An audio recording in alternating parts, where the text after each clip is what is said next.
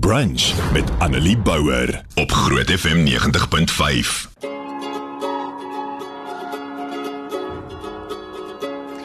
vanoggend kyk ons so 'n bietjie na Johannes 17. Um, dit is Jesus se laaste gebed voordat hy gekruisig is. Nou daar's verskillende weergawe natuurlik, weet ons nou al Matteus, Markus, Lukas. Almal het iets waarop hulle fokus en wat lekker is van die Johannes evangeliese gebed is dit wys ehm um, dat Jesus altyd God verheerlik. So deur die hele evangelie van Johannes kan mens eintlik sien dat Jesus fokus daarop dat God verheerlik moet word. Nou in uh, die belangrikste temas van hierdie gebed is die verheerliking van God en die welsyn van Christus se disippelskap. Hy bid vir homself in die eerste gedeelte van Johannes 17, dis vers 1 tot 5, maar selfs wanneer Jesus vir homself bid, doen hy dit en vra nog steeds dat dit na God se wil moet wees en dat God verheerlik moet word deur dit wat hy gaan doen. In uh, die tweede gedeelte van hierdie gebed uh, bid Jesus spesifiek vir sy disippels, uh, Johannes 17 vers 6 tot 19. En dan wil ek spesifiek vandag fokus op 'n uh, vers wat ek al voorheen genoem het, maar wat vir my baie beteken. So ons kyk so 'n bietjie vandag na Johannes 17 vers 13 tot en met vers 17. So Johannes 17 vers 13 tot 17. Jesus bid en hy sê: "Maar nou kom ek na u toe en ek sê dit terwyl ek nog in die wêreld is sodat hulle my blydskap in al sy volheid in hulle kan hê. Ek het u woord aan hulle gegee en die wêreld haat hulle omdat hulle nie tot die wêreld behoort nie, net soos ek ook nie tot die wêreld behoort nie. Ek bid nie dat u hulle uit die wêreld moet wegneem nie, maar dat u hulle van die bose moet bewaar. Hulle behoort nie tot die wêreld nie, net soos ek nie tot die wêreld behoort nie. Laat hulle aan u toegewy wees deur die waarheid. U woord is die waarheid. So Jesus bid hierdie vir sy disippels en dan later dan bid hy ook dat dieselfde sal gebeur vir almal wat deur die disippels na Christus toe kom en wat bekeer word en wat dan gelowig is. So dit is 'n gebed vir ons ook. Nou hierdie is 'n ongelooflike belangrike deel vir my spesifiek en hierdie is net my gevoel oor hierdie en wat dit vir my spesifiek beteken wat ek vandag met jou gaan deel. So as jy gaan kyk na Johannes 17, gaan alles oor God om God te verheerlik, maar in hierdie stuk waar Jesus vir sy disippels bid, sê hy dat die wêreld die disippels gaan haat omdat hulle in God glo.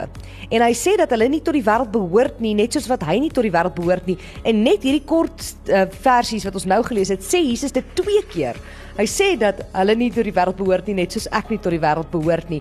Maar dan in vers 15 en hier wil ek dit baie baie goed beklemtoon. In vers 15 sê Jesus: Ek bid nie dat u hulle uit hierdie wêreld moet wegneem nie, maar dat u hulle van die bose moet bewaar. En hierdie is 'n gedeelte wat in 'n baie moeilike tyd in my lewe het ek dit raak gelees dit was net 'n verskriklike moeilike tyd vir my gewees en ek lees hierdie gebed van Jesus en ek lees dat Jesus bid spesifiek dat ons nie uit hierdie wêreld weggeneem moet word nie en op daai oomblik kon ek nie verstaan hoekom nie. Hoekom sê Jesus spesifiek ek bid nie dat U hulle uit hierdie wêreld moet wegneem nie. So asof hy net wil seker maak God verstaan wat hy sê. Um en hy weet God verstaan, maar hy maak dit pertinent duidelik dat hy nie vra dat hulle weggeneem moet word nie. En op daai oomblik het ek toe gewonder, Was dit 'n opsie? As Jesus daar gebid het en gesê het: "Here, ek weet hierdie wêreld gaan hierdie mense haat. Ek weet hierdie wêreld is sondig en vol seer en vol hartseer." En vol moeilike tye wat vir hierdie mense voorlê, kom ons vat hulle nou weg. Ons weet wie gelowig gaan wees. Ons is u is alwetend. U weet wie in u gaan glo. U weet wie u woord hulle eie gaan maak. Kom ons vat net almal nou weg en dan spaar ons hulle hierdie seer. As Jesus dit gebid het, wat sou gebeur het? En hoekom het hy nie? En dit is iets waarmee ek vir lank geworstel het en toe besef ek Dit gaan oor ons wat nou hier moet wees. Jesus sê ek bid nie dat U hulle uit die wêreld moet wegneem nie, maar dat U hulle van die bose moet be bewaar, spesifiek omdat hy ons hier nou wil hê. Jy moet nou hier wees. In hierdie COVID-19 tyd, in hierdie tyd van finansiële swaar kry van mense wat werkloos is, van armoede, in hierdie tyd van haat van verskillende soorte, en ons eie is partykeer ook in hierdie tyd van kwaad word sê Jesus jy moet nou hier wees. Ek wil jou hier hê want jy moet my hande en voete wees. Jy moet my lig wees. Jy moet my liefde vir die wêreld wys. En in my kry ek so 'n uh, amper bang gevoel want besef ons wat dit beteken dat Jesus ons nou hier wil hê om hom te verteenwoordig.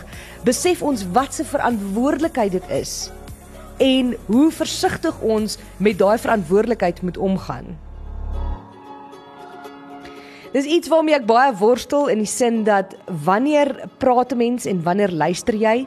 Wanneer moet jy sê iets is verkeerd en wanneer moet jy eintlik net iemand in liefde aanvaar en omhels en hulle liewer in jou dade wys dat God hulle liefhet? Dis iets waar ons nou al die afgelope 3 weke oor praat is dat jy as Christus se verteenwoordiger jou eie ek op sy moet skuif Ons het laasweek gepraat oor as Christus se verteenwoordiger moet jy almal lief hê, maak nie saak wat hulle status, kultuur of geloof is nie. En nou praat ons spesifiek dan nou oor in hierdie moeilike tyd moet jy God se hande en voete wees. Moet jy Jesus se hande en voete wees. In 'n wêreld waar dit partykeer lyk asof daar nie lig is nie, asof daar nie hoop is nie, moet jy die hoop wees. Moet jy sê Jesus Christus is die redder en hy het jou lief en ek gaan vir jou wys hoe lief hy jou het deur jou so lief te hê. Mag jy in die week wat voorlê en in die jaar wat voorlê onthou om Jesus se hande en voete te wees. Mag jy jou hande vuil kry en uitsteek en sê kom ek help jou. Ek is lief vir jou. Maak nie saak wie of wat jy is nie. Maak nie saak of ons saamstem nie. Maak nie saak of jy eers gelowig is nie, want ek is Christus se verteenwoordiger en hy het almal lief. Mag jy in die week wat voorlê en in die jaar wat voorlê, Christus se lig uitstraal.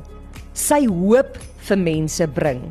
En in die tye wanneer jy self twyfel of wanneer jy self sukkel om daai lig raak te sien of wanneer jy self begin hartseer en mismoedig raak, mag ander gelowiges jou dra en weer daai vlam vir jou aansteek.